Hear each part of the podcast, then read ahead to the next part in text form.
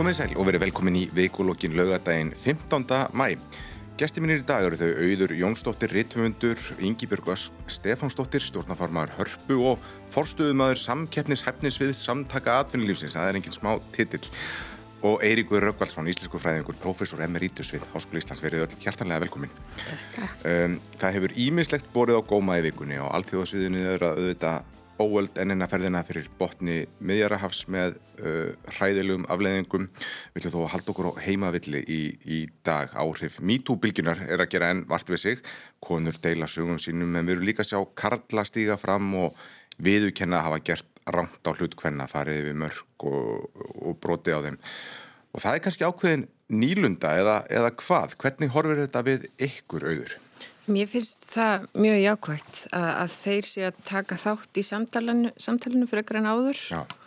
og ég sá viðtal held ég bara í gæri eða fyrir að dag við mann eh, veg, hann var vegum hérna kallmennskunar sem að var gangast við því að hafa beitt ofbeldi en um leið að hann væri kannski ekki ofbeldismadur mm -hmm. og það er eitthvað sem að eh, mér finnst svo mikilvægt í þessari umræðu þetta að af í rauninni tapu vera ofbeldið, ég er ekki að gera lítið úr ofbeldi, ofbeldi er alltaf ofbeldi mm -hmm. en þetta að, að við getum haldið áfram og þetta marki okkur ekki til lífstíðar í svona litlu samfélagi eins og hér að það sé hægt að gangast, takast, taka ábyrðina, gangast á ábyrðinni og, mm -hmm. og vinni sér og skoða þetta og skilja og ræði þetta mm. og, og hérna og það eru, mér finnst emitt, með því svona vilji hjá mönnum og það eru fleiri sem hafa svona í kringum að haft á tilfinningu núna til að, að fara inn í þetta samtal. Já, Ingi Björg. Jú, ég tek heilsugur undir þetta og ég held að sé bara ótrúlega mikilvægt að við sem samfélag eh, líka opnum fyrir það að menn stýði fram og við tökum því og við tökum og trúum á það að svona ákveðin betur en geti átt sér stað og mér hefur svona að því þetta er svo mikilvægt verkefni og mikilvæg umræða að mér hefur svona svolítið fundist vantastundum upp á það að við viljum fyrirgefa og við viljum hérna, við, við trúum á betrunum og trúum á annað tækifæri og að fólk geti haldið áfram. Og það er líka kannski hérna þeir voru í kastljósinu á mánudaginn Andres og Kolbrún Byrna með hans það virkilega góð umræða sem þar fór fram og svona hérna þau nálgöðust málið úr ólíkum áttum þar. Það er svo margt sem á eftir að skoða. Mm. Við erum til dæmis sjálfnast að tala um karlmenn sem þólendur í þessar umræði. Það er bara umræða sem á eftir að taka og við þurfum að vanda okkur í því hvernig við setjum þetta fram. Við megum ekki fara að nota í rauninni verkværi sem við erum að gaggrina mm. sem að hefur byrst okkur í svona einhverjum naflösum hótunum og öðru. Þetta er aðfyrrafræði sem að við sem samfélag eigum ekki að beita þegar við erum að vinna að því mikilvægum málum og þetta er. Mm. Þetta er hins vegar viðgandleika að fara inn í Mjög. bara það að svona velta fyrir sér aðfyrrafræðinni í svona miðri bylgu er, mm. er mjög viðkvæmt. Já. Ég held að skipti líka miklu máli sem við erum talað um sko, í sambandi við skrimslavæðinguna. Já fyrir mörgum árum þá, þá var maður sem ég þekkti sakkaðurinn kynferðisbrott og, og ég var að ræða þetta við hann og, og hann, hann sagði ef ég hefði gert þetta sem ég sakkaðurum þá væri ég skrimsli og þú veist ég er ekki skrimsli við vitum núna að þetta er ekki gildur auksendafærsla þannig að þetta er ekkit skrimsli mm. og, og hérna en eh, svo þetta náttúrulega líka ég, mena, ég er að verða 66 ára og, og það er auðvitað klart að, að þegar ég var ungur þá, þá bara var menningin allt, allt önnur hvað þetta varðar og það er allt mögulegt sem þótti sjálfsagt þá og eðlilegt og enginn gerði aðtóðsendi við. Það, það bara er ekki í lægi núna. Mm. og við þurfum að, að náttúrulega passa okkur svo litið sko, við þurfum hérna sem að munum þá tíma og, og, og hérna fólk sem að tók þátt í þessu. Það, það, það þarf að sko passa sig að, að ger ekki sjálft sig eða, eða fólk sem það þekkti að einhverjum hérna, brotamönnum þegar það hugsa tilbaka um þetta en, en jafnframt sko, gera sér grein fyrir því að þetta tímatin eru breytir. Mm. Við erum að umbylta menningu en sko í byltingu sem er að kalla á betri samskipt og virðingu og þá verður þá svona er að betri að ef að umræðan sem slík er það líka mm. ef, ef, ef, ef það er mannvirðing í henni og og, og svona þetta sem að sér á miðlunum að það sé verið að hæðast að, að gerandum sem hafa stíið fram eða, eða þeir smættaðir mm. eftir að þeir hafa stýði fram þá, þá er svona ákveð dilemma líka því til dæmis ég vil geta kent síni mínum að hann geti axla ábyrð byggðist afsökunar bætt sig mm -hmm. en ef það er tekið í burtu mm -hmm. þá verður líka miklu erfiðar að stíga fram eða það, það mingar líkunar á mm á samtalinu Við vorum líka ræðið þetta hérna í, í síðustu viku þetta er líka svona, vandra, svona vandratað einstígi sko að, að þegar kallar tala sín á milli að, að, að þeir útvætni heldur ekki uh, brotin að það sé ekki svona, já, það eru ekki allir sekjur um að, að fara einhver tíma. Og annað sem er búið að benda á líka þegar sko gerendur eh, taka yfir senuna, stiga fram já. þá getur það haft traumatísk áhrif á þólandan þegar mm -hmm. sko þeir eh, setja, þannig að þetta er, þetta er rosa flóki. En í grunninn hljóttum við þurfa að, tala við sín okkar og dættur og, og börnun okkar og, hérna, og fara yfir fara yfir þessi viðmið fara yfir gildin sem við viljum standa fyrir og kenna þeim nákvæmlega þetta sem þú ert að nefna yfir að, að það er í lægi að stiga fram og það er í lægi að gangast við Já. mistökum og við verðum að treysta þá sama tíma samfélaginu til að fylgja okkur í þeirri vegferð. Svo er það líka sko að orðið ofbeldi þess að það finnst mér rosa áhugavert að Eirikur sé hér. Já. Mér sko það er þessi núansari tungumálinu sem sko veruleikin okkar er svo mikið hugarheimurinn lita svo af tungumálinu og ofbeldi er flókið orða því leiti að það sko á við mjög ólíka hluti af sama meiði. Mm -hmm. Þannig að til dæmis þú sér lista yfir gerendur og einn er kannski dæmtur batnanýðingur meðan annar sagði eitthvað óviðegandi og, og hérna þeir bara verða allir gerandin. Mm -hmm. Ofbeldi er sko eitthvað sem býr í bjögum samskiptum og, og ég held að við hefum flest einhver tíman sínt einhvers konar ofbeldi í samskiptum eða, eða öðru og þá er þetta sko þetta gildislega sterka orð sem samt einhvern veginn er aðeins ég veit ekki fyrir mér einhvern veginn, ég er búin að veltaði mikið fyrir mér það, það verður aðeins takmarkað Eirikur, getur þú tekið við þessu? Já, hvað, hvað, hérna. getur, hvað getur við gert? Getur við tekið bara ofbeldi þetta víða spektrum og svo bara búið til einhvers konar mörkarna og búið til nýjórð fyrir, fyrir, fyrir, fyrir hvernig ramma? Þetta er náttúrulega snúið. Ég hef nátt satt sko að, að hérna, orðin hafa bara þá merkingu sem málsamfélagi gefur þeim. Uh, hérna, við, getum, við getum rakið orð til uppbruna síns og eitthvað svoleiðis og sagt þetta merkti upphæðilega þetta en, en það þýr ekkert endilega að ég merkja það í nútímanum. Það, það bara skiptir máli hvernig við notum við. En, en það er líka oft tvælist fyrir okkur. Sko, íslenska er oft vexsömuð fyrir þetta gagnsægi að hérna, við getum lesið merkingu orðana út úr gerðina og, og, og það er svona eitthvað til í því en þetta gagsægi flækist líka stundum fyrir okkur vegna þess að, að við erum ofta að lesa út úr orðunum einmitt þetta hérna, uh, sagt, hvernig þau voru mynduð í upphafi. En svo hafa þau hérna, þróast og merkingin breyst. En, en, en hérna svo kemur einhver og, og segir aha hérna sjáu þetta orð er myndað og þessum lið og þessum lið. Þannig að það lítur að merkja þetta. Og sko þetta, þetta þvælist stundum fyrir okkur en, en hérna nei þetta er þetta er hérna fjarið því að vera einfalt mál. En, en, en hérna meginatri náttúrulega bara að, að hérna gera sér grein fyrir þessu stundum getur verið hérna nöysinlegt að, að, að koma með, með ný orð. En það er auðvitað ekki einfalt að koma þeim þá í nótkunn og, og hérna og öll svona miðstýring að því liti er nú svona svolítið aðvarsam mm. Hvað, hvað segir þú, Ingebjörg, hvernig er tungumálið að, að fælast fyrir okkur hérna í, í þessar umræðu? Í MeToo, þessingunni það er nú kannski bara fyrst að það að þetta er MeToo hérna.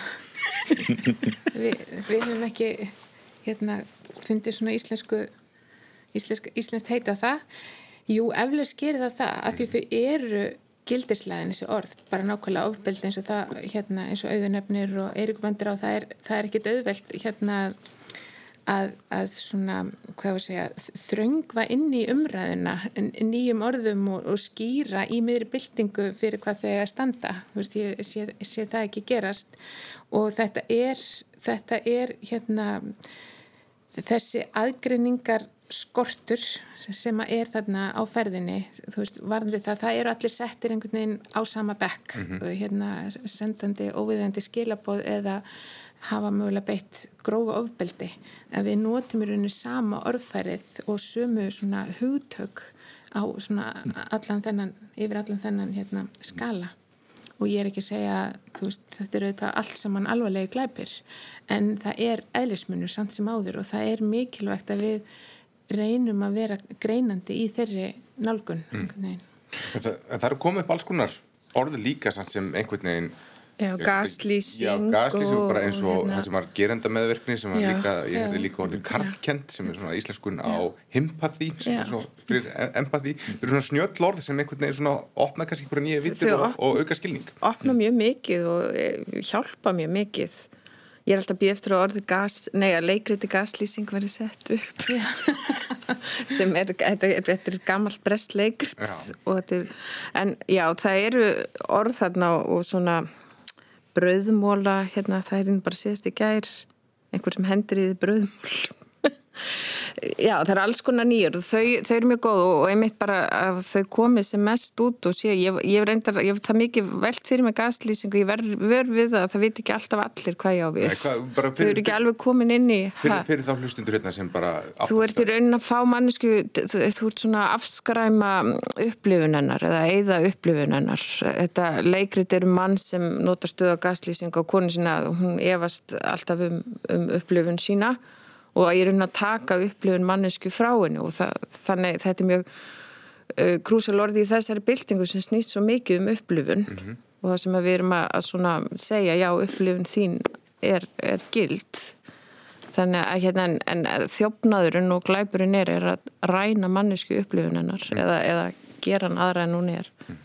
Það er kannski líka tíman að tákna ykkur að, að bara fyrir áratugum þegar þessi mál voru lítið rætt að bara orðaforðin var kannski ekki til staðar eða við vissum ekki hvernig við áttum að nota Nei, nei, einmitt. Það, það, hérna, það er alveg rétt að, að þetta náttúrulega hérna ný, ný umræða umræðum um svið sem hafa ekki verið rætt hafa jáfnvel verið svona tabú að hérna, hún líður oft fyrir skort á, á orðum. En það var ekki segið það við Eirik bara hérna árin að þátturinn byrja að ég sakna þess bara úr í í umræðinu að, að hérna það sé ekki meiri greining á orðræðu og, og að svona manneski með hans eh, bakland, ég myndi vilja sjá meira að þér sko bara að greina orðræðina eins og þú gerðir hérna í COVID-tókaramálunu þetta að svona við sjáum eitthvað við lesum þannig við erum ekki kannski alveg átt okkur á inntækinu. Getið aftur kastapult Já, nei það er alveg rétt að, að sko, við náttúrulega erum að draukna í, í upplýsingu núna og, og hérna við veitum ekkert hvernig við erum að vinna úr þeim og það skiptir sífælt meira máli fyrir okkur öll að, að, að kunna að greina orðræðuna og ég hef oft talað um það að, að mér finnst að það sé eitt það mikilvægsta sem þarf, þarf að kenna hér í skólum, það sé orðræðu greining að, að hérna greina pólitíska texta og, og, og, og hvað eina hérna til að, að bara gleip ekki orðin frá heldur átt að sjá hvað likur á bakvið hvað, hvaða, hérna, hvaða duldu skilabóðum er verið að koma á framfæri. Já, sem er mikilvægt núna því í öllu þessu falsfrétta og svona já. það sé verið að matriðar og ofin okkur upplýsingar og allt þetta þetta er svo mikilvægt og mikilvægt fyrir börn okkur að kunna að lesa upplýsingar og taka mm. við þeim. Mm -hmm. Já, ég held þetta svona tengist umræðin um læsi. Við erum svolítið með fókusin á atkvæðatellingu og, og hraða og svona grunn leskilning í mhm. yngstu bekkjum grunnskólan en svona, læsi í þessa veru er eitthvað sem að sannlega þarf að Já. skoða betur Já. En svo er kannski hinnangin að þessu að kannski eru við með ofmörgorða því að ég tók á sínum tíma þegar ég var hjá fréttablaðinu viðtalvegan Andrés sem var þá hjá Karlmenn til ábyrðar sem sálfræðingur sem vinnur með körlum sem hafa beitt ofbeldi og, og þar var sko lístan ferlinu að þú fær Karlmann sem hefur uh, alltaf að reyna að taka á sínum málum og þú byrjar að ræða við hann þá bara og hvað gerist það? Já, mér, ég, hún, hún, hún reytti mill reyði Uh, þá, þá gerist þetta, þá gerði hún þetta og þá dánlaði ég í hana eða þá slæmdi ég til hún þá komum við alltaf svona og, og það þurfti alltaf að rekja sig í gegnum einhvern orðaflöym, einhver hugtök mm. á því hún komst að því ég beitti ofbeldi. Mm. þannig að kannski þetta Dánlaði hefur verið mikið nút og að stjaka við einhverjum ekki hrinda heldur og hérna og hver er svo munin af því? já, það getur alveg öruglega fælst fyrir. Einhvers konar grindahlaup að, að, að svona sannleikanum. Já, þetta er svona almanna tengillin innra með manni. en það hefur sko, tungumáli hefur svolítið verið í umræðinu í vikunni og, og, og svona og, það byrtist grein í fréttablaðinu vikunni eftir Völu Hafstad sem nefndist í geldingadölum íslenskunar sem var opið bref til útvastjóra Þar kvartar valæfi þeirri þróuna í fréttum þá sem verið að skipta út orðinu fólk út fyrir menn, björgunarsvita fólk til dæmis og nota korukinn þar sem áður var nota kallmenn, þau sem ætla að láta bólustið sig frekar en þeir sem ætla að láta bólustið sig. Og vala segir að þarna sé verið að fara á svig við aldalanga málhefð og kallar þetta nýlensku sem sé verið að tróða upp á fólk. Er ykkur þessi grein hitti í mark hjá mörgum, það var margir sem mm. bara svona, fannst þetta orði í tíma tölu, Ólína Þorvaradóttir svo góða íslensku kona tekur til dæmis undir, undir hann og hefur skrifað meira um þessu mál. Og það er einhvern blöðum að fletta þessi breyting fyrir taugarnar á mörgum og bara uh, gengur í berhug við mál, máltilkningu mm -hmm. Þetta er náttúrulega mjög snúið mál og, og hérna sko það sem að því við vorum að tala um hérna, upplifin hérna rétt á hann sko Ég held að það sé alveg ljóst að, að það er upplifun margra kvenna og kynsegin fólks að orðin maður höfð ekki til þeirra, það sé ekki verið að vísa til þeirra með, með orðinu maður og, og hérna, sko við getum uh, komið og sagt, já, maður hefur alveg alla tíð sko mert, geta mert bæði kall og kona, þetta er tegundin og, og hérna, það er talað um í, í fornumáli talað um menn og þá er vísað til kall og kvenna og, og svo framvís en uh, sko málfræðin og, og orðabækur, orðsíðabækur stjórnar bara ekki upplifum fólks uh, og, og ég held uh, hérna að þetta sé, þetta sé alveg sönn upplifun hjá mörgum og við erum að taka það alvarlega. Og, og hérna svo, það er nú margt í þessu sko eins og þetta með hérna ég var aðeins að kanna það að, að, uh, í, í fornumáli, í fortsögunum þá er ótalsinnum, mörg hundur sinnum, þá er persóna kynnt til sögunar með því að segja hérna, uh, maður er nefndur þetta og maður hétt þetta. Og í öllu skipti, ég held að séum 500 skipti samtals, öll skiptin er um kallmannaræða. Ef að kona er kynnt til sögunar, þá er sagt, sagt kona er nefnd eða kona hétt, þannig að það er alveg ljóst að, að hérna, það er mjög mikil kalla slagsíða á orðinu maður. að alla tíð. Mm -hmm þó að, þó að, hérna, þó að vissulega hafi, konur geta falist í, í, í því líka. Uh, og, og hérna uh, svo með þetta þessi nýju, nýju orð sko Snorri Sturluson hann talar hérna íðulega um landsfólk í, í heimskringlu.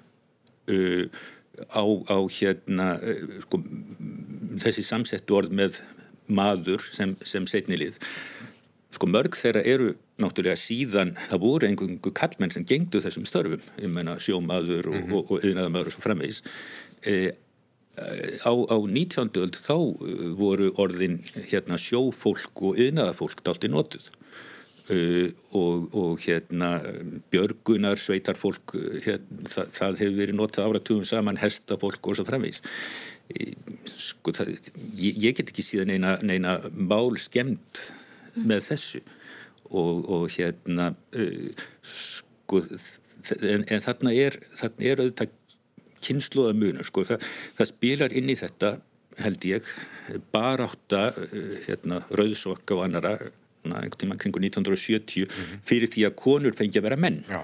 Já.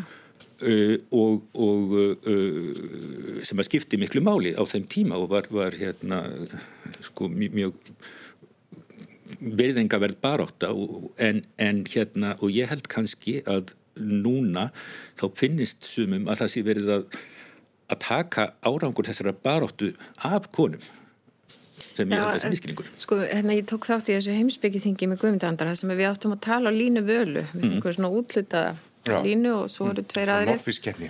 Já, það var morfískeppni og það, tilefni var að þau vissi ekki alveg hvort þau ætti að vera hérna, félag áhuga fólks eða manna um, um heimsbyggi. Já.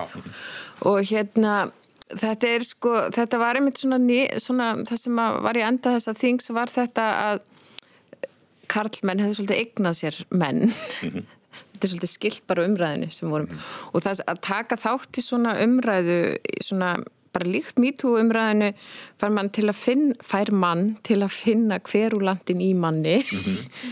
og það var einmitt þetta, þetta er svo tengt sjálfunni, þetta maður.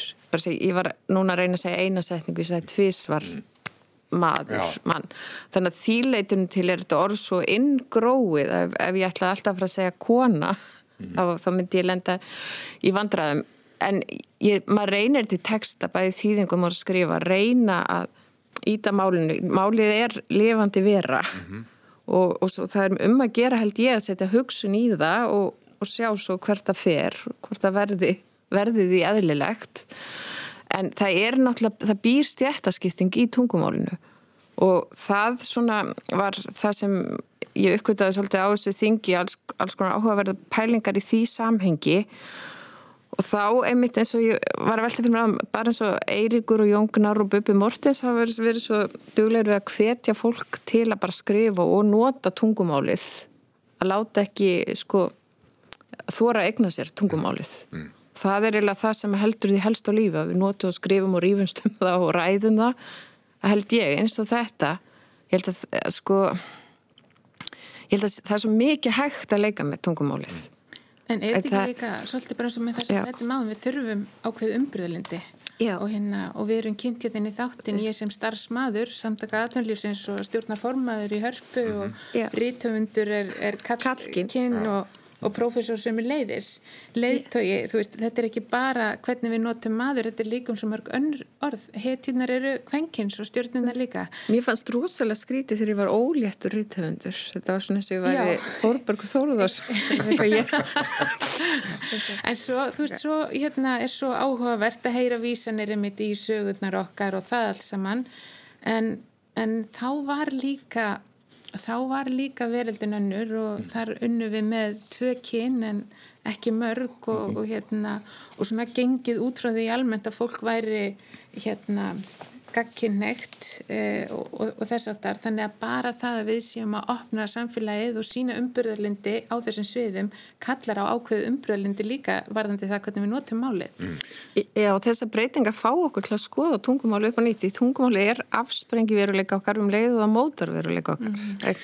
Já, sko, ég held bara einn ein, merkilegasta reynsla mín svona á setni árum var þegar ég var fenginn til að vera í í domnendi hérna nýjirða keppni samtakana 78 2015 uh, og ég var áður svona mjög skeptískur að fordóma fullur gagvart uh, hérna öllum, öllum breytingum á málinu hvað, hvað svona á þessu sviði. En, en þarna heyrði ég af uh, alls konar kynnegðum og kynnvitundum sem ég hafði aldrei heyrt um áður og, og hérna og áttaði mig á því hvað það er mikið mál fyrir fólk að geta talað um sjálft sig á, á móðumáli sína og, og hvað það er ljótt ef að, ef að tungumálmanns útilokkar fólk og, og hérna mér finnst að, að við eigum að hérna, hafa það í huga Segir svona bara að það, er ekki pláss fyrir þig Já, einmitt Og það er náttúrulega mikið nota á, þú veist, í umræðum á, á samfélagsmiðlum og svona að einhver, einhver beigir vittlust eða eitthvað og það, það er nota til að fletja út mm. viðkomandi mm -hmm. við, það er svo mikið vald í Já. tungumálinu En það er nú kannski svo, svo málspjalli sem þú stopnaðir á, á Facebook, Eiríkus, mm. svona eh, vettvangur til að tala um íslensku á jákvæðum nótum og svona mm. íhugulum, ekki bara skammast fyrir, út í rángri eh, málunótkun. Er nú eitt sem vala nefnir í greinsinni verða þeir sem eða þau sem ekki gangast þessum breytingum á, á, á, á hönd verða þeir, stimp, verða þeir fyrir barðinu og hennum nýjum álfárslökum bara stimplaði sem íhaldskurvar og kallrimbur Já, það getur auðvitað verið sko. Ég, hérna, uh, ég var náttúrulega að skrifa pistil um þetta í, í, í gær sko, það sem að, að ég var að leggja áherslu á það að, að það mætti auðvitað ekki verða þannig. Uh, hérna, sko, við, við eh, erum auðvitað flest öll alin upp við það að, að hérna, kallkinn sé svona hlutlaust kinn og, og hérna og maður sé, sé notað svona í þessari almennu merking og svo framvegis og, og, og það er bara sko ekkit einfalt að, að breyta því jável þó fólk vilji mm. og margir vilja það náttúrulega ekki og, og hérna en, en hérna þetta er sko þessi þetta málfræðilega kyn þetta er svo svona fletta saman við svo margt í tungumárinu að ef mann að breyta málum sínu eitthvað hvað það var þá, þá er það mjög flókið og, og, og hægt við að, að svona, gera einhver mistök í því. En, en, en hérna eins og ég segi, sko, mér finnst meina að þessu umbyrðulendi sem sé að, að, að fólk sem, sem hérna vill breyta málinu hvað þetta varðar, það átti sig á því að við erum flest alin upp við þessa hérna Karkins slagsíðu og, og, og, og breytum því ekkit svo glatt og viljum það kannski ekki mm -hmm.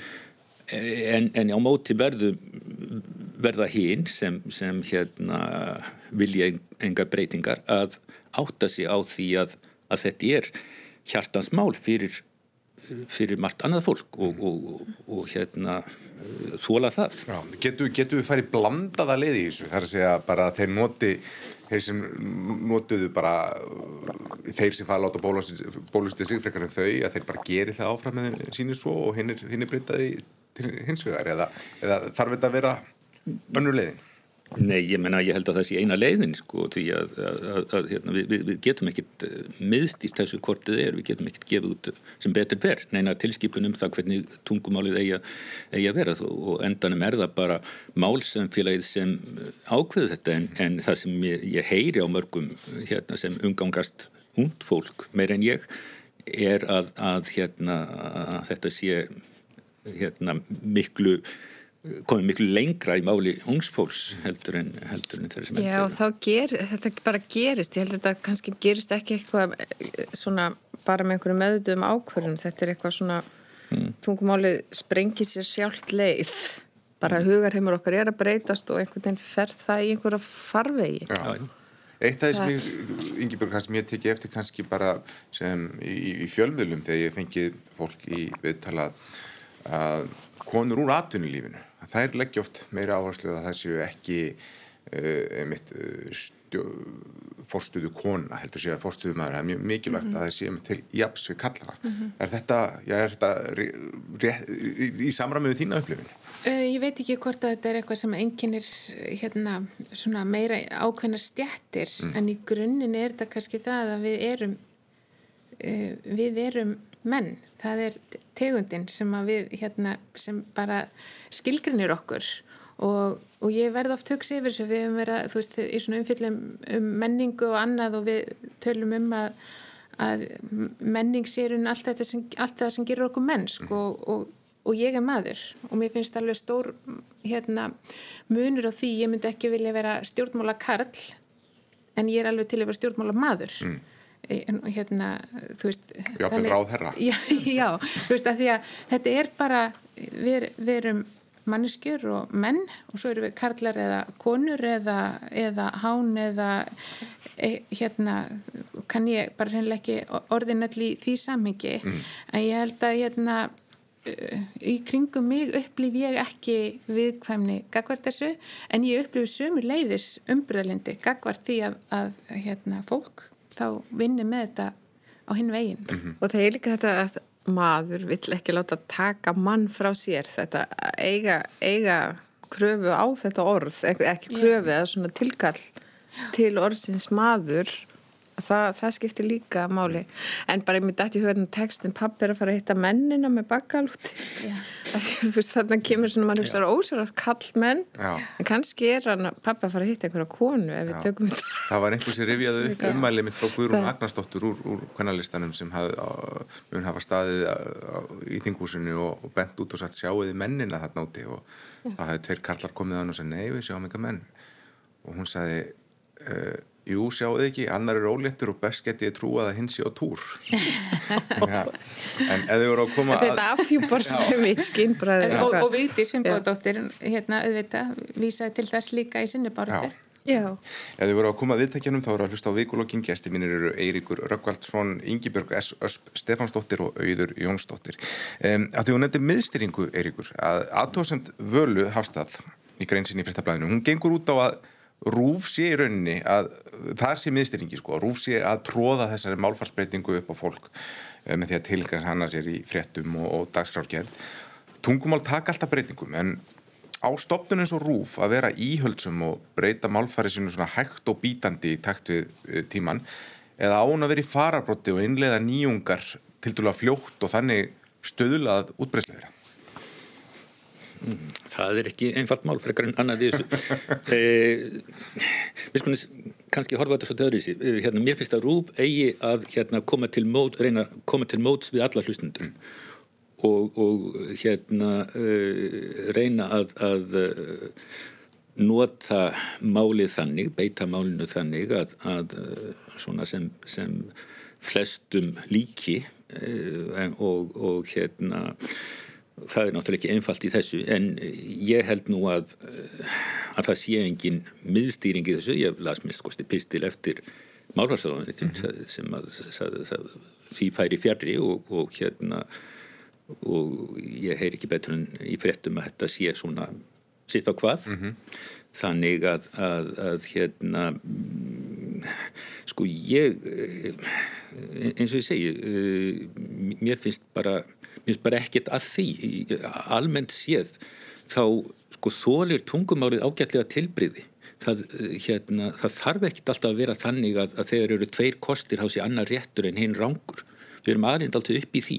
En, en, en, en það er ekkert endilega þannig. En það er, er líka fyrir ekki gripið frá mig hérna, sko þegar maður er að vinna með tungumálið því sé alltaf maður í, þú veist eins og í þýðingu eða skrifum þá er þetta, sko núna leikið mig með þetta. Ég er kannski að þýð og ég prófa að setja, þú veist, fólk er það kannski kannski brítur þá ómikið upp andan í þessari tilteknu þýðingu. Ef hún er frá einhverju ákveðnu mm -hmm. umhverfi þá, þá einhvern veginn gengur ekki. En ef ég sé færið þá prófa ég að setja fólk að bóni staðan fyrir maður ef, ef það býður upp á það mm -hmm. og eins í texta sem ég er að skrifa stundum bara verður allt og afgjörnandi stundum er það alveg og þá, þá nota ég það Já. þannig að við getum notað þetta einhvern veginn svona á okkur aðeins áfram mm -hmm. En hlýtur útgangspunkturinn ekki vera að sko við, við málið þroskist með okkur mm. en að okkar þroski hamlist ekki eða bindist ekki af því sem að málið býður Jú. og það sama með rúf að, að hérna, það þarf að elda en líka sína frungvæði þegar við á Já, Já. Meinaðið er náttúrulega sko, að, að hérna, málið þarf að, að hérna, þjóna því samfélagi það sem það er talað Já. hverju sinni og, og hérna og málið er til fyrir okkur við erum ekki til fyrir tungumálið. En Þetta hefur verið eins og þú stopnaði þessa síðu til þess að viðbrað mm. tungumálið hefur verið notað svolítið mitt, bara frá því ég mann eftir mér að það var alltaf ég held að verið döður hættur við að hérna, tala villust af hverju er þetta svo rík tilneying að, að, að hérna, berja öðrum fyrir að nota þetta Já, þannig að ég þekki það náttúrulega mjög vel sko að, að hérna ef að, ef að ég hitti, hitti einhvern fólk sem ég þekki ekki, jável fólk sem ég þekki og, og hérna það, það tala um það að ups, nú þarf ég að passa mig að segja enga vittlisu sko, hérna, íslensku fræðingurinn, hérna, ég sko, ég, ég, ég veit ekki, það, það náttúrulega, þetta er uh, sko gamalt, það var náttúrulega á 19. öldinni sko þá var, uh, var tungumálið svo mikill hluti af sjálfstæðisbarátunni mm -hmm. uh, og, og hérna það var uh, það var lögð áherslu á það að, að, að það gerði okkur sérstök og þá hérna reyndum enn að, að bakka sagt, færa tungumálið til fornmálsins til þess og, og útrýma dönskum áhrifum og svo framvegis og, og, og þá og kom upp þetta að, að hérna, það væri eitt rétt og, og annað ránt og síðan, síðan hérna, styrkist þetta uh, smátt og smátt. Sko ég, ég hérna las, minnir að hafa verið í hérna bókinni Íslensk málreinsun eftir Kjartan Ottosson að heldur því fram að eða, eða, eða svona uh, velti því fyrir sér hvort þetta hafi breyst þegar grunnskólalög eða ekki grunnskólalög þá en, en lög um skólaskildu eh, komu 1907 eh, þá sko þurft, þurfti að einfalda það sem var kent að því að það færi að kenna sko yngri börnum og sem að sko gáttu kannski ekki meðtekið einhverjar útskýningar þá, þá þurfti bara að segja ok, þetta er svona en ekki svona. Mm. og, og hérna svo hefur þetta, þetta haldist og við hérna erum uh, alin upp í þessu. En, en svo ég lef mér að sletta, ég man eftir því að hafa verið seimuð í æsku ef, ef ég begði vittlust eða notað orð sem átti að vera danska. Já, já. og þannig að þetta er búið að ríkt í okkur og, og þetta er svo tengt einmitt svona, e, svona hugmyndunum um, um að vera Íslandingur og fullvöldi og, og hver maður er og, og svona allir fættir held ég bara fyrir 1980 eru, eru svolítið markaðir af, af því. Mm.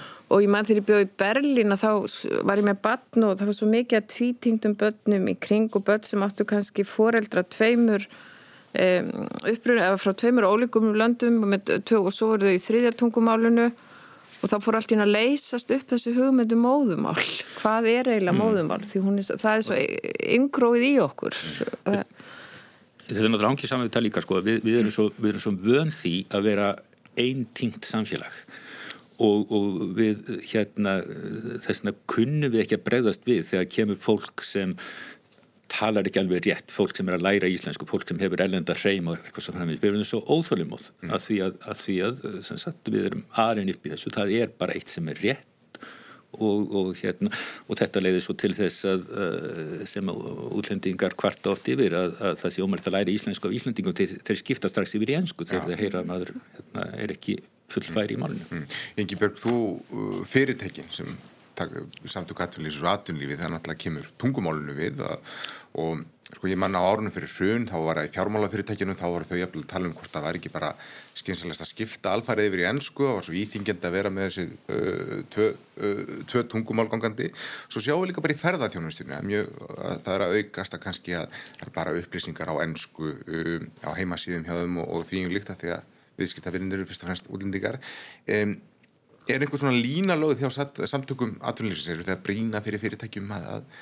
að, tala íslensku vera með íslensku nöfn eða eitthvað þess að þar Já, sannlega og samtök atvinnlýsins hafa hérna lagt ríka áherslu á það að íslenska sé tungum á atvinnlýsins mm. og gerum það meðal annars í gegnum þáttöku í almannarómi og, og, og verkefnum á, á þessu sviði og við stöndum á svo miklum tímamótum núna því að á sama tíma og, og hérna tölvurnar og algoritmanir er að taka yfir og, og hérna við erum fann að tala meir og minna við tækinn og, og hérna verkverðin sem við erum að nota dagstælega mm. þá er þetta alveg líkil atriði til að tryggja, við getum eða sagt svona framhalslíf íslenskunar mm. það er að, að tækinn tali íslensku og mhm. skilji íslensku mm -hmm og þarna á bakvið eru þetta mikil vísindi og, og hérna við búum vel því að við eigum í íslensku atvinnlífi uh, upplugt fólk með þekkingu sem þarf til en við þurfum auðvitað að setja hérna aug og aðtikli á verkefnin til að þau verða veruleika mm. og það höfum við verið að gera alveg markvist. Þú voru komað þessi ná máltækninu eftir en, en til dæmis bara varðandi að því að þú ert yfir í samkefnishefninu, ég veit nú ekki hvort að fara niður í, í, í þessar sillur sem ég er að fara inn á að hafa allar stopnað nýtt sko fyrirtæki, hótel eða, eða veitingastæður á hans að hann sé bara um, sem er nafn á ennsku, sjá menn ekki einhvern veginn svona samkjöfnisforskot í því að vera eitthvað sjarmirandi íslenskt fyrir eh, svona íslensku staður með íslensku nafni til þess að lokka túrist á?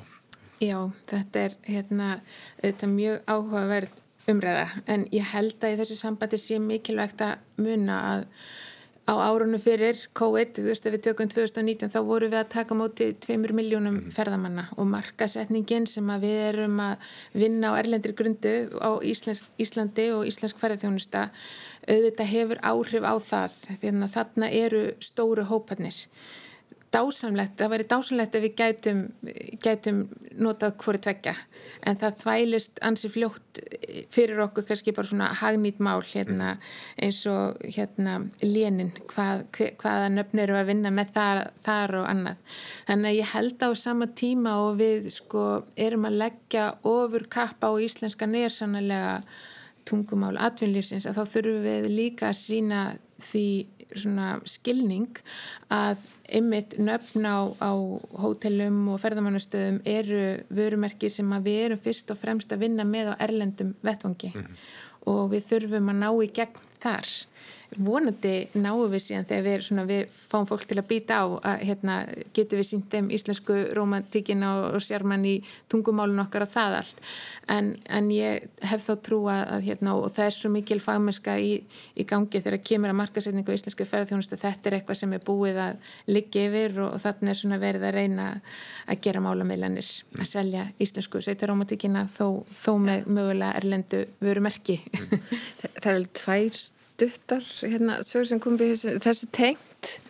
Annars verður er ég sko bjóði Tískalandi og þar einhvern veginn talaði alltaf Þísku sem er miklu stærra málsvæði heldur en Ísland og þessu mikið af fólki af, af, frá alls konar löndum í Berlín.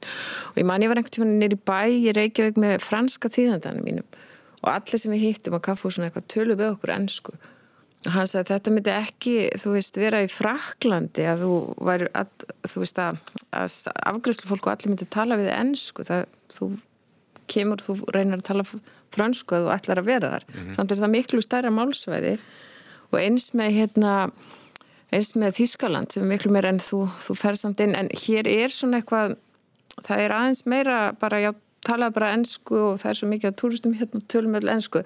Það er þetta með að nota tungumálið og það er einmitt hættan hvort sem við erum óttastlegin við það eða bara vennjum okkur af því að því að hitt er einhvern veginn létt og þá kem ég inn á talgerla frásögnuna sem kom inn að ég tók þátt hér í málþingi hér í Rúf bara um, um nýja tækni og tungumálið mm -hmm. og hérna og eftir það málþing sagði svona vinnum minn sem var líka hann sagði Þú veist, við getum verið með alls konar áhugjur af þessu en við erum nú kannski ekki að fara að tala ennsku við talgerðlana eða venni okkur á, ég myndum ekki gatna göl fyrir ekki.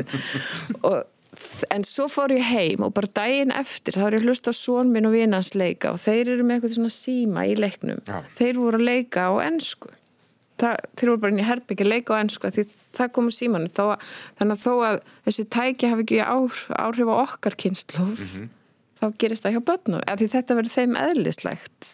Það er, já, ég kom til svolítið þetta er svolítið flótki samhengi þetta bara En ég, þetta minnir mig uh, þetta með sko ég kæfti kaffi og á kaffihúsi fyrir og pantaði það á ennsku og var afgriður á ennsku og svo rannaði upp fyrir okkur undir lók samtalsins að við vorum báður íslenskir. Þannig að þetta getur orðið, orðið svona eh, sjálfur stillingin Eiríkur, þetta er svona kannski eitt af því sem þú leifir þér að láta færi töðan á þér á, á málspillinu þegar menn kannski gleima því að fyrir íslenskunni. Já sko, ég gerir svo mikið sérstaklega aðtóðsend við, við það alls konar staðir hafi ennskætið, það er náttúrulega engi tíðkast verslanir hér eins og Liverpool og Edinborg og svo framvegs sko alveg frá, frá því hérna einhvern tíman uh, byrjun 2000 aldar eða, jável fyrr. E, en, en sko mér finnst eins og grundvallar aðtriði að í, í öllum upplýsingum matseðlum og öðru slíku að íslenskan sé með það er, það er eins og auðvitað fullkomlega eðlegt bæði vegna ferðapóls og, og sko, vegna bara pól sem býr hér og skilur ekki íslensku að, að enska sé víða hliðin á íslensku. Við, við þurfum alveg þurfum að, að átt okkur á því og, og, og viðkjanna það að, að hérna, enska er hér hluti af samfélaginu og hún verður það. Það er bara óhjákvæmilegt. En, en hérna en það má ekki verða til þess að íslenskan verði undir og, og hérna, við meðum ekki vera sko, ónæm fyrir þessu. Við þurfum alltaf að, að sko, velta fyrir okkur er eðlilegt að nota ennsku við þessar aðstöður hérna, hvað, og stundum kann það vera. Mm -hmm. og, og hérna líka með þetta, við, við þurfum auðvitað líka að, að hafa í huga með hérna fólk sem kemur hingað. Ég held að fólk sem kemur hingað og ætlar sér að, að dveljast hér að það vilji vel hlæra íslensku og geri það. E, en, en sko fólk sem kemur til að vinna stuttan tíma e, það, það er náttúrulega mjög snúið mál vegna þess að sko við erum að horfast í auðvið það að, að, að hérna íslenskan hún nýtist fólki hverki utan Íslands.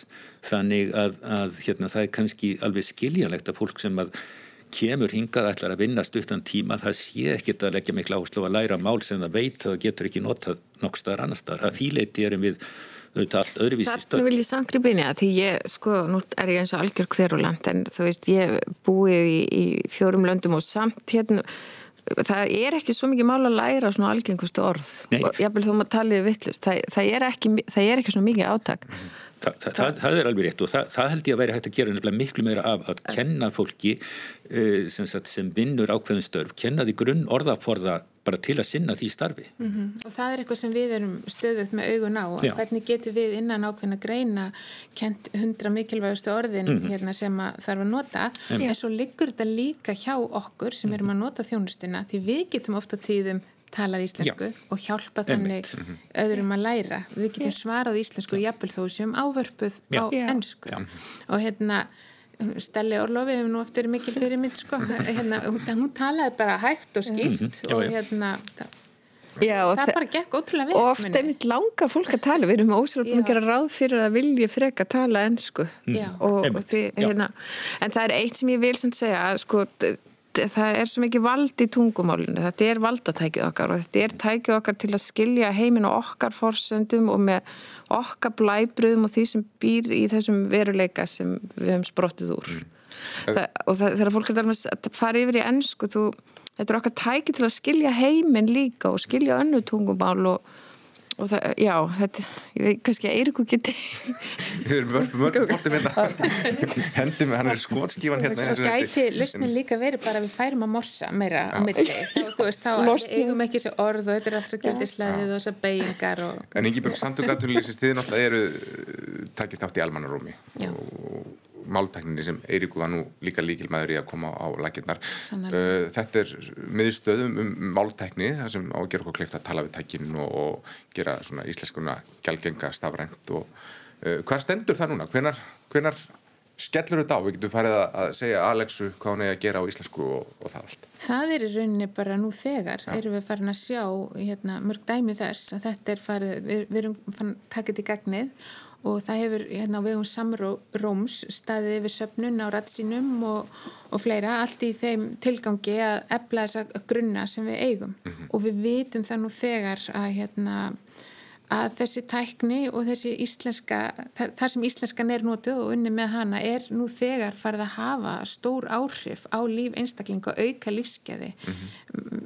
margra hópa Þannig að þetta er ekkit, ekki framtíðar músík þannig, þetta er bara eitthvað sem við erum hérna, komin vel á veg með þó ja. auðvitað séu ótalverk óunnin en þá og hérna Þannig að eins og ég segi við höfum allt til alls, við höfum hérna þekkinguna, hvort sem það er á, á sviði íslenskunar eða tækninar, en við þurfum bara að, að klára verkið og standa saman um það, að hérna, það verði ekki gerðar málameilanir með þetta. Mm.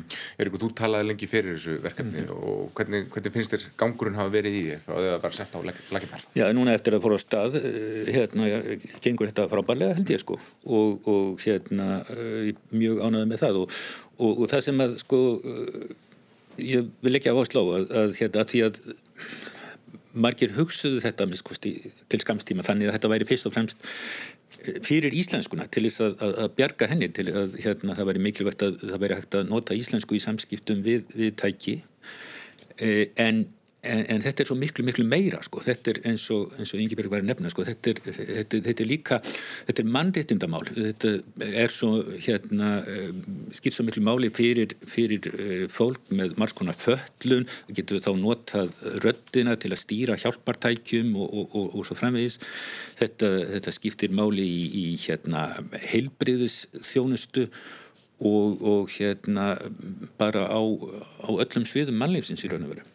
Er það líka bara núna aðeins að þetta með hugtökin líka við eigum nægileg hugtök og, og að þau, við notum þau á íslensku og, og það er líka svo mikilvægt að hérna já, að við séum ekki bara að því nútíminn er svo hraður mm -hmm. það verða til svo mörg hugtök sem máli er ekki komið Nei. og að ná utanum en þeirra, einmitt, inn í öllum sem ólíku geirum eru endalus ný hugtök mm -hmm. sem að þjónustan er, við sjáum það í svo fjölmörgum greinum, það er þjónusta og, og verkefni hérna er að verða almennt svo mikið í stafrænu formi mm -hmm. og þá er þetta algjört líki latriði að þetta getur orðið. En það verður stort mál, máltingum þetta á þriðu dag ekki sett?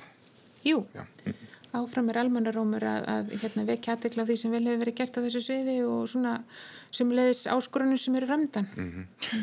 um, Mér okkar faraðans yfir í Hörpu, tónlistarhúsi sem fagnaði tíu ára amali í vikunni. Ingeborg Tór stjórnar formaði þar og um, hann er örgulega óætt að segja að Harpa hafi sanna sig á þessum uh, áratug. Við höfum örgulega öll hér notið einhverja viðbyrða þar, þar inni. Um, þið horfið áratug aftur í tíman, voruð þið sannfærðum að þetta er því raunin, þetta myndi ekki hefnast? Uh, já, sko, ég var það á sínu tíma og kannski komandi úr hérna bara uh, var á þeim tíma á Akureyri og hafði þar komið að, að hérna opnun og, og starfaði við menningarhúsið Hof og, og var búin að fara vel í gegnum þetta og hvað svona hús og svona vettvangur gæti þýtt fyrir samfélagið mm. þannig að hérna algjörlega samfærðum það vitandi á sama tíma að hérna Þetta er svona dæmum verkefni sem að alltaf veru átökum, sérstaklega upphafi og það var svo eðlilegt á sínum tíma þegar að hérna, efnahagsrunnið er og við erum stöndum þessu framkvæmdum að, að hérna, þá er auðvelt að gera hvort sem það er hófið að harpa að, að blóra bögli fyrir, mhm. fyrir hérna, allt sem þarf síðan að skera niður eða annað í samfélaginu. En það er mikil gæfa við áttum framsýnt fólk og það, þetta er auðvitað svona hérna enga framdagi sem þarna kemur að og í rauninni kannski allt er hindir þessu hressilega af stað en svo eigum við ótrúlega öflugt öflugt stjórnmálum en stjórnmálafólk ætla ég að segja þá, sem að hérna, stendur með þessu og hefur dug til þess mm -hmm. og hérna, það, það þurftir sterk bein Var þetta ekki Katrín Jakobsdóttir sem að hún, þetta var alveg töff ákverðun fyrir hann á sínum tíma þegar það átt að gera þetta að einhvers konar minnis var það eins og í Þískaland um nazismann það sem er kannski bara leikvangur er, sem er látið grotna niður og þetta átti bara að vera hálfbyggt Hanna Birna hérna, er, er borgastöru á saman tíma líka. Já, já, já. Og, þetta og, og það voru þrjár, það voru þrjár hérna, leiðir sem að það var að rýfa húsið, það var að pakka því inn og, og býða og dagur líst þessu ágætlega vikunni borgastöru sagði já eða finna penning sem ekki var til og halda áfram og ég segi blessunulega var svo leið farin mm. og það eru þetta sorglegt samt sko að allt og oft þá er umræðan um, um hérna kostnaðin Já. en ekki innihaldið og, og verðmætin sem að harpa skapar því þau eru ótrúlega samfélagslega verðmæti og í rauninni sko afleitt verðmætasköpun er umtalsverð. En, en, það, en það eru alltaf einhverju svona ólistir uh, hnútar hérna eins og fastegna gjöld og ákveðum og viðhalskostnaður að lenda á svo leiðis. Er ekki eitthvað svona, það, það er vantilega eitthvað sem þarf að greið úr? Jú, við eigum blessunarlega í mjög góðu samtali við eigendur hörpu og, og eru með þetta í ákveðnum farvegi. Mm -hmm. Það hafa þegar verið tekinn og, að því að við erum öll á sömu línu með að við sjáum hvað harpa þýðir fyrir okkur. Og þetta er, þetta er sko í menningarlegu tilliti, þetta er líka stort mál fyrir atvinnlífið og fyrir ferðarþjónustuna og, og hérna og þess aftar. Þannig að við höfum svona verið að bara minna á það að verðmætin sem harpa skapar þau eru ekki alltaf sjáanleg og, og sjálfnast sannilega í ásveikningum félagsins. Mm. Umræðan þarf að vera aðeins, hérna, við þurfum að stígu upp úr þeim. Já. Kanski skjótaði hérna inn, svona til að tengja þau máltækni sem hún er tölum á þenn að, að hérna 2014 e, þá heldum við hér e, hérna rísastóra máltæknir ástöfni, stæstu máltæknir ástöfni í heimi með, með 1200 gestum og, og það er bara náttúrulega í hörpu og það hefði verið útilokkað að gera það áður og, og hérna og, og það var náttúrulega allir alveg, allir sem komið hérna dolfarnir yfir þessu húsi og aðstöðunni þar og hérna og ég var nú eh, ekki síður hrifin af uh, starfsfólkinu hvað það hérna leisti öll mál eh, hérna faglega og vel Mm -hmm. Það var líka bara hvað vel staðið tónleikunum að svíkingsheiðars þetta mm -hmm. var svona COVID-smitt en það var mjög vel staðið til og það var líka bara að fann maður hvað var einhvern veginn dýrmætt að koma þann inn og koma mm. á þess að tónleika og, og þetta væri einhvern veginn afturhægt. Og tónleikarnir byrjuði með fyrst COVID viðvörun og svo jarðskjálta viðvörun en fólk er að mæta hálftíma fyrir til að geta farið yfir svona almannavarna tilkynningar og ráðstafanir. En, en þetta er alveg rétt. Og það eru auðvitað ótrúlega verðmæti líka sem að hafa orðið til hérna innan hús og líka mhm. í mannunum sem að hérna Já. Er í hörpu og... mm. Það er kannski líka annað sem hefur tekist ógæðilega með þetta, ég menna, maður getur farið í hörpu og það eru landbúnaða vilar fyrir utan að því að það eru bændur með einhverja landbúnaða síningu og þess að það er matamarkaður eða bókamarkaður. En líka þetta þú getur farið á alveg ótrúlega hátíðlega tónleika þar sem allir eru í kjólfötum eða þú getur líka sitt batnakór Eða eins og penraðstefnan það sem að voru rítöndar og mannréttinda bara fólk frá öllum heiminum og bara allur heimurinn komin inn í hörpu. Já og svo hefur verið dansað í bílakjallaranum og, mm. og það er akkurat þetta er bara hérna það sem gerir hörpu að því sem að hún er, mm. það er að við eigum öll erindið þarna inn mm. og við eigum þetta hús saman mm. og, og hérna og, það, og harpa endurspeglar allt mannlífið og litróið sko sem við hérna, eigum í samfélaginu. Hvernig nú er sko bólusetningar komnar í gang og svona hvernig sjáu þið fyrir að harpa komist í, í fullan gang aftur, fulla virkni? Jú, það er, hérna, við ætlum að á menninganótt verður svona amalisháttíð sem að, hérna, við vonandi getum bara bóðið öllum til og við ætlum að bjóða öllum til ekkert sem bendir til annars en að það verði og það er bara svona í takt við annað í samfélaginu við sjáum upp úr, upp úr hérna miðjusumri að þá ættum við nú að fara að komast í, í góðan takt mm. og, og við höfum sannlega nota tíman vel í hörpu þannig að það verður svona hérna við getum glatt gesti með nýjungum þegar ja. þeir komi hús til okkar eftir Verður þið komin á þann stað að þið bara hlakki til að geta farið og setja í mannfjölda eða alltaf að láta ja, sumari líða og verður þið hættið ykkur í, í slíkt? Ég kannski stundur svolítið kæri laus ja.